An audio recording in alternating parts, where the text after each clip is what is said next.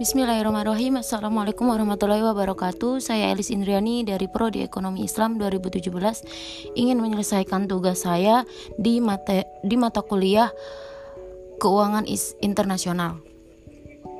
Di sini saya akan membahas tentang neraca pembayaran. Ada enam topik pembahasan ya. Yang pertama yaitu ada pengertian neraca pembayaran, yang kedua ada jenis neraca pembayaran, yang ketiga tujuan neraca pembayaran, yang keempat ada konsep keseimbangan neraca pembayaran. Dan kelima ada fungsi neraca pembayaran. Dan yang terakhir ada komponen neraca pembayaran.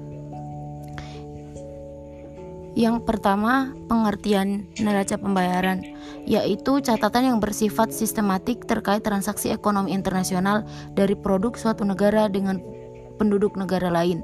Neraca pembayaran dapat digunakan untuk melihat kondisi perekonomian eksternal suatu negara.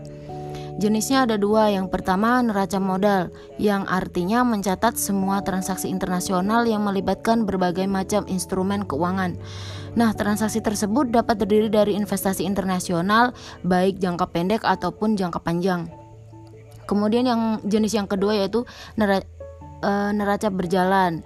Nah, taksir ini tuh uh, termasuk taksiran internasional terhadap pertukaran barang dan jasa sebuah negara.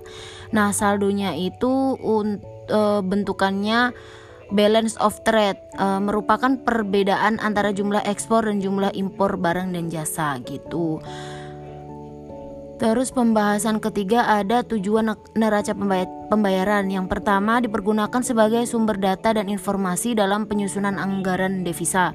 Yang kedua mengetahui peranan sektor eksternal dan perekonomian suatu negara.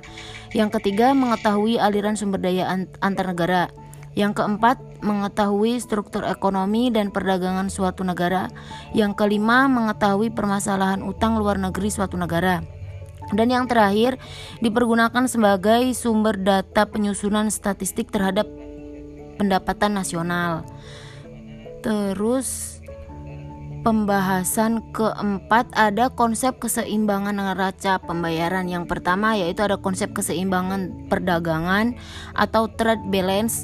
Yang kedua konsep keseimbangan transaksi berjalan atau current account balance, yang ketiga ada konsep basic balance dan yang terakhir ada konsep overall balance.